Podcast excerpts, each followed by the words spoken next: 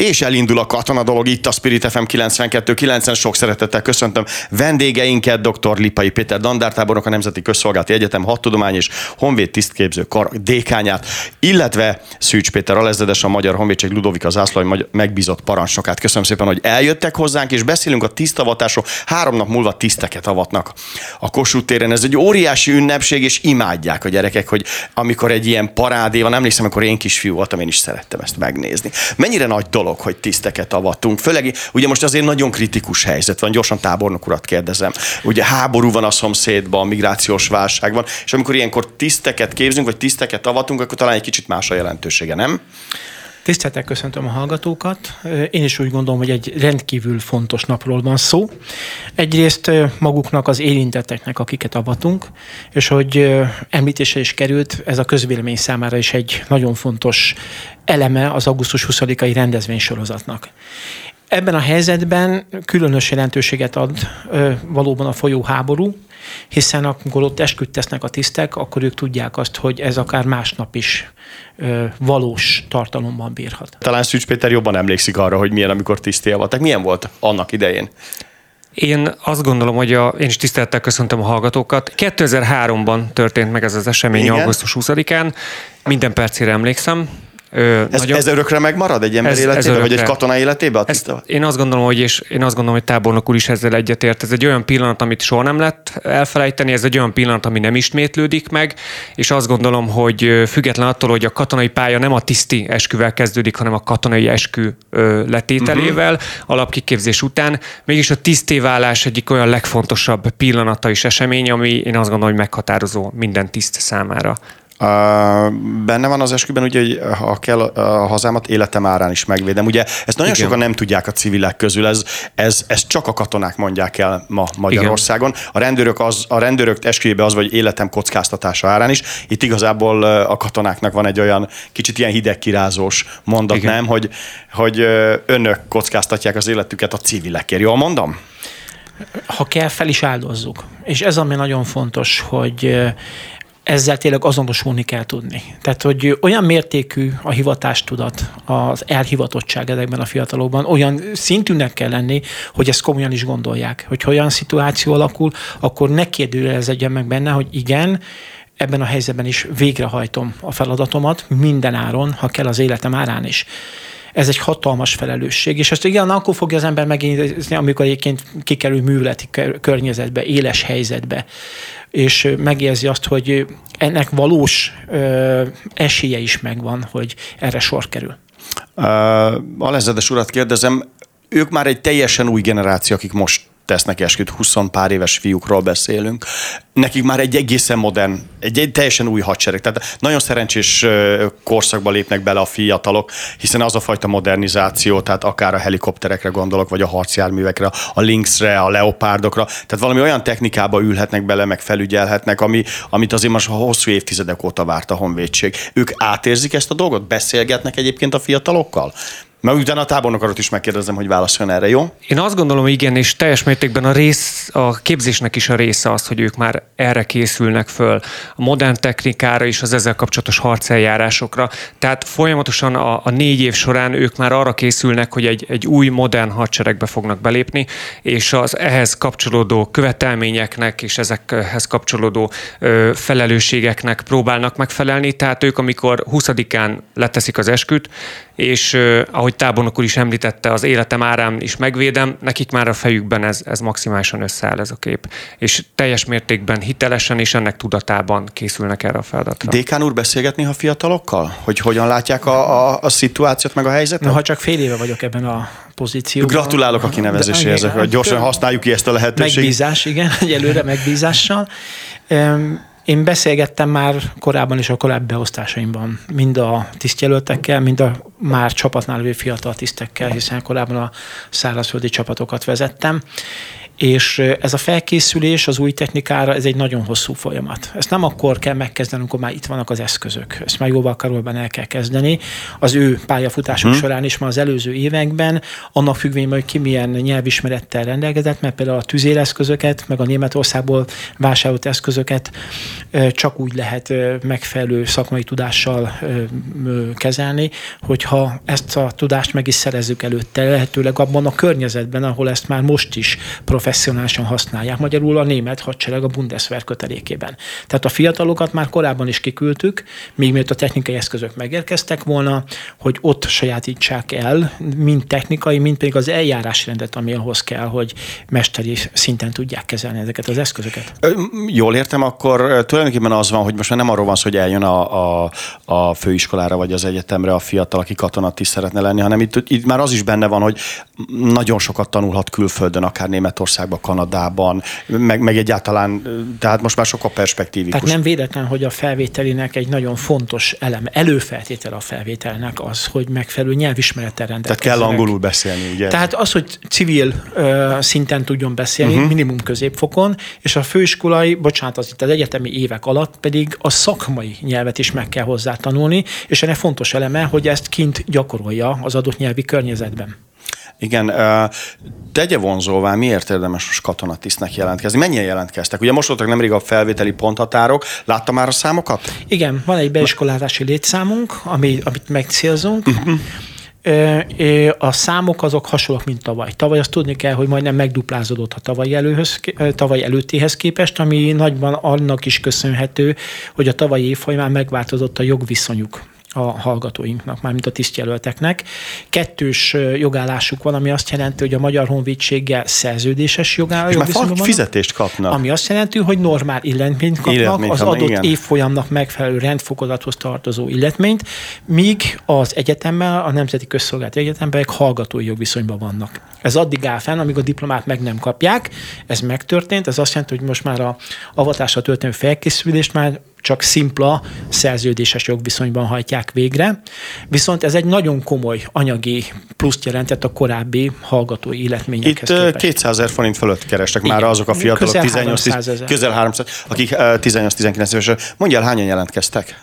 Jelentkeznek nagyon sokan, jelentkeztek, akik felvételt Na, nyertek, akkor akik, akik elérték a kitűzött ponthatárokat, több mint 400-an vannak, amelyek, amiből mintegy 240 fő, aki konkrétan a katonai szakokra jelentkezett, hiszen van a karon civil, a nemzetközi ö, biztonságpolitikával és védelmpolitikával foglalkozó ö, tanszékünk. De abból is lehet majd katona, aki a civil szakokra jár. Lehet, igen, az egy kicsit hosszadalmasabb folyamat, meg egy átmenet kell még ahhoz, de igen, vannak, szüksége van a Magyar Honvédségnek ezekre a szakemberekre is, akik a védelmi és biztonságpolitikában szakértők kívánnak. Beszélünk még egy kicsit az egyetemről, és beszélünk a tisztavatásról, meg ennek a történetéről. Ha visszamegyünk a történelembe, hol kezdődött a tisztavatás, és mindig a Kossuth téren volt? Vagy hogy? Nem, az osztrák-magyar monarchia idejében, augusztus 18-án történt meg először a tisztavatás, ez akkor az uralkodónak a születésnapi dátuma volt.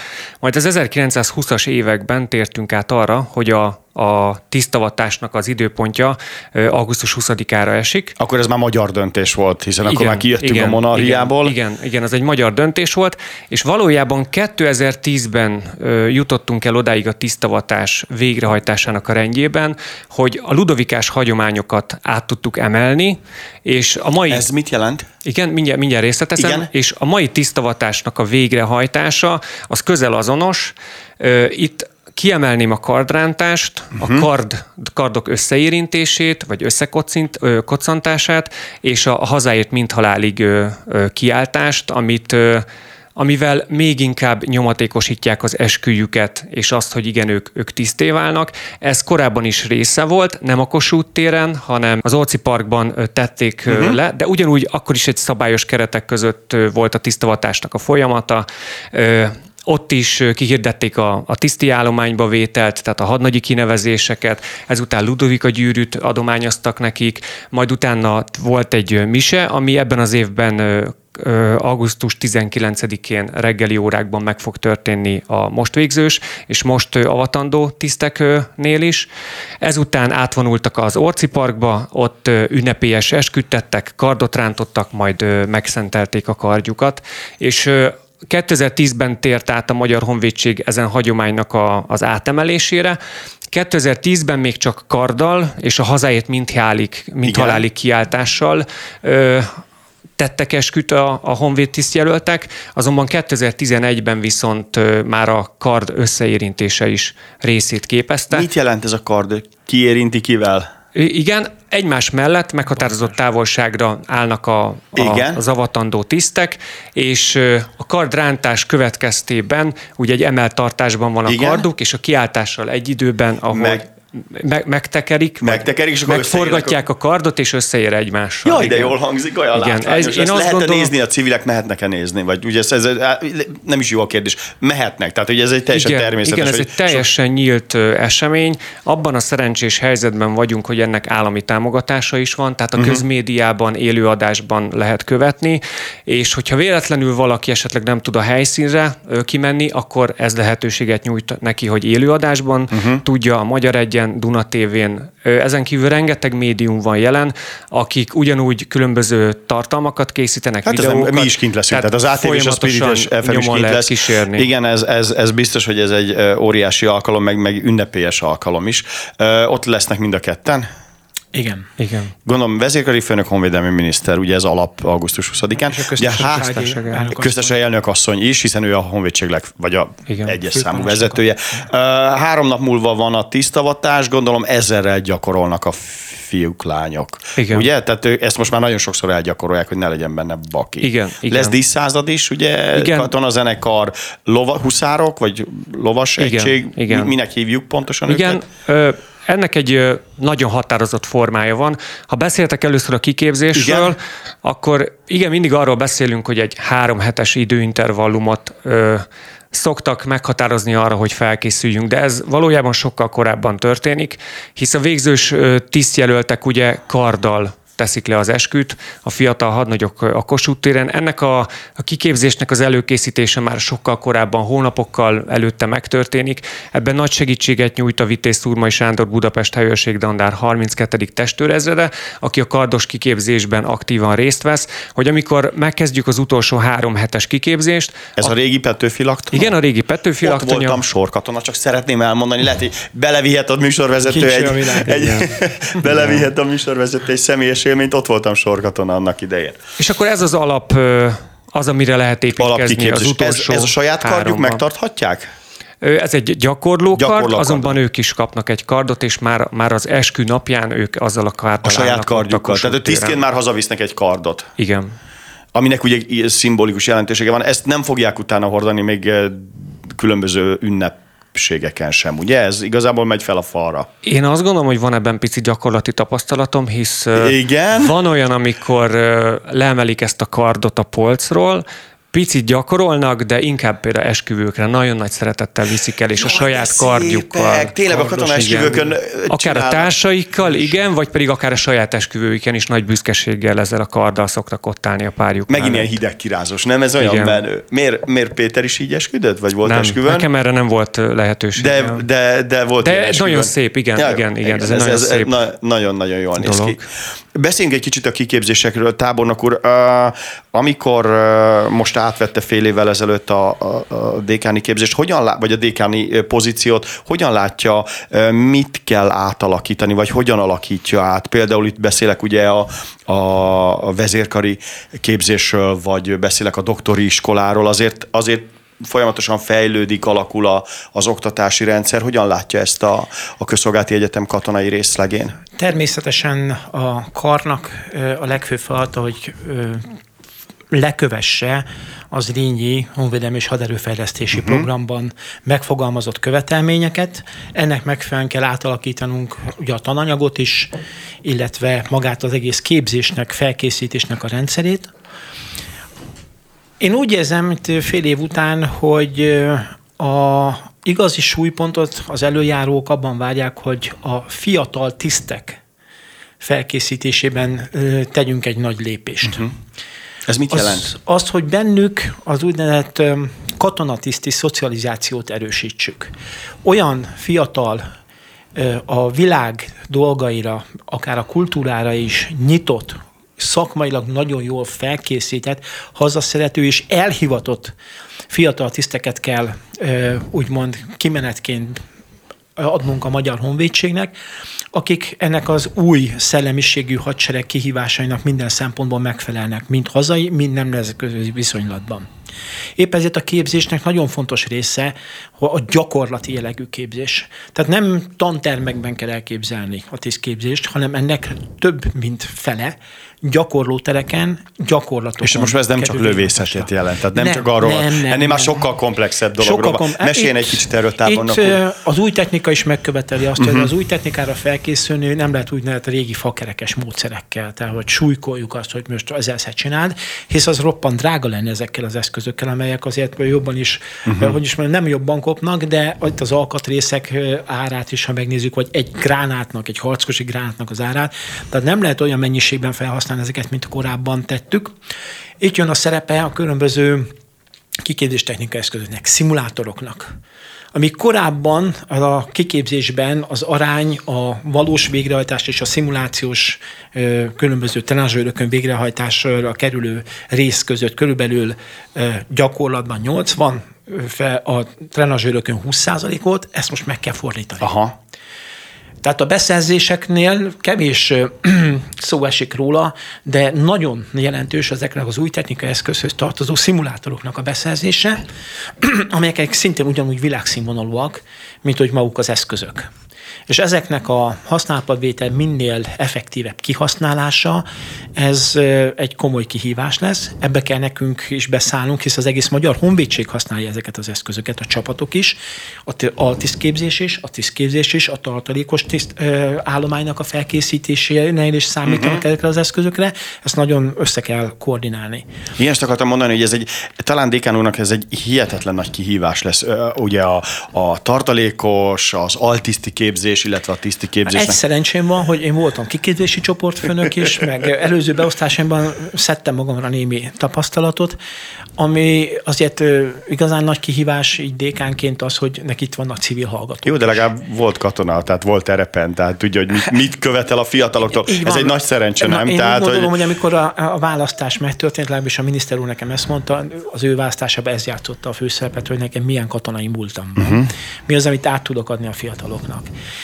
És a felkészítésre visszaszólt, tehát gyakorlatorientáltá kell uh-huh. tennünk minél teljesebb mértékben, és ezt már az első perctől kezdve. Ennek érdekében kialakítottunk egy úgynevezett a Honvéd tisztképzés új rendszerét, ami azt jelenti, hogy innentől kezdve, ettől az évtől kezdve a Honvéd tisztjelöltek az első fél évet szinte folyamatosan gyakorlótéren fogják tölteni csak a minimálisan szükséges időt, amíg az elméletet megkapják, töltik tantermekbe, egyébként gyakorlótéren lesznek, és el kell jutniuk az első fél év végére, függetlenül attól, hogy ők milyen haderőnemhez szeretnének kerülni, vagy melyik fegyvernemhez, egy gyalogos szakasz harcvezetésére alapszinten. Védelemben, támadásban, nyugvásban, menetben. Ezt, ezt képesnek kell lenni. És majd ezt követően kezdődik meg az úgynevezett akadémiai képzésük, ami már a megalapozó, úgynevezett alapozó tantárgyakat uh-huh. is magába foglalja, legyen szó matematika, fizika, mechanika, stb., hat történelem és így tovább, de az első fél év az egy kemény katonai kiképzés lesz, ahol magukkal kell szedni nem csak az alapvető katonai ismereteket, de az alapvető vezetői ismereteket is. Tehát, ahogy mondtam, képesnek kell lenniük egy gyalogos szakasz vezetésére. Hiszen értem, tehát nem csak arról van szó, hogy le kell tudnia gyalogolni ezt a 10 km teljes menetfelszerelésbe, hanem hogy utána vezessék is azt a csapatot, és van. koordinálni kell, majd utána azt Tehát ez arra is képesek, hogy egy századot is vezetniük kell, majd egy így dandárt is vezetniük kell tudni hosszú távon. Azt azért tudni kell, hogy itt a első négy év végén a kimenet, az Igen. ugye az, hogy alapvetően szakaszparancsnoknak készítsük fel őket, de már ismerniük kell a század szintű feladatokat is, de ebben kell készségszinten elmélyülniük, hogy uh-huh. egy mhm. szakaszt tudjanak vezetni, és természetesen az utolsó fél évben pedig majd arra fognak készülni a konkrét beosztásukra a fegyvernemnek megfelelően, már annál a csapatnál szinte ugyanabban a beosztásban bekerülni fognak, és ott meg maguk leszedik azt a szaktudást, ott a csapatnál, amit már lehetőleg zökkenőmentesen tudnak kikerülve a új beosztásukba használni. Hagy kérdezek személyesen Talajzedes úrtól, néha megállítják, amikor egyenruhában látják? Mit szólnak a civilek? Milyen, milyen a viszony most a, a civilek és a katonák között? Milyen most a megítélés? Ez egy nagyon-nagyon nehéz kérdés. Én megmondom őszintén, hogy én katonai szakközépiskolás korom óta, tehát 14 éves korom óta vagyok a rendszerben. Hú, akkor nagyon elhivatott. Én, én azon személyek közé tartozok, aki növendékként is büszkén viselte azt Aha. az egyenruhát, és én 16 éves koromban is, akkor még formaruhának hívták, nagyon szívesen elindultam haza, és a mai napig én megmondom őszintén, hogy élek azzal a felhatalmazással, ami a honvédelmi miniszter úrnak volt a feladatszabása, hogy ha egy mód van rá, akkor egy ruhában jelenjünk meg a társadalomban. Hogy az emberek, ugye, hogy lássák. Én ebben járok dolgozni, ebben elmegyek, nyilván szabályosan, szabályos öltözetben, de én ebben elmegyek vásárolni, én igenis megjelenek a társadalomban, pozitív. Pozitív a visszacsatolás. Én úgy érzem, hogy az elmúlt... Volt, aki beszól már a jó értelemben? Tehát, hogy mondanak pozitív? Igen, valami? igen. igen? Ö, kaptam pozitív visszajelzést, hogy igen, így kell kinézni egy katonának. De Na végre jó. valaki, aki fel tud öltözni. Meg szokták kérdezni, mi a rendfokozatom, az, hogy hol szolgálok, és az én speciális helyzetem az, hogy a feleségem is katonatiszt, és együtt szoktunk egy ruhában járni, és ez így meg extrán, extrán ö, ö, érdekes mindenki számára. Erre, erre is rá szoktak kérdezni, hogy vajon mi most munkatársak vagyunk. Szóval én úgy érzem, hogy az elmúlt három évben a, a társadalmunk, de lehet négy-öt évet is mondhatok, elérkezett arra a pontra, hogy befogadó. Ehhez szükség volt a déli határhelyzet kezelésére. A Covid Szük... helyzet sokat segített, én azt láttam, Pont hogy az, hogy a katonák mondani. megjelentek a kórházakba, egyszerűen, amit itt láttam, meg ahogy csináltuk itt a műsorokat, meg én is mentem, imádták az emberek, hogy a fehér ruhás nővérkék mellett ott vannak az egyenruhás katonák. Ez a tapasztalat tábornok Teljes mértékben. Én 38 éve vagyok katona. Most lesz ja, gratulálok, az nem Igen, semmi. És uh, én már akkor is egyenruhát viseltem utcán, amikor ez még uh-huh. nem is volt engedélyezve. Tehát volt egy időszak, amikor a sok atrocitás miatt nem is engedélyezték engem, ez akkor sem érdekelt.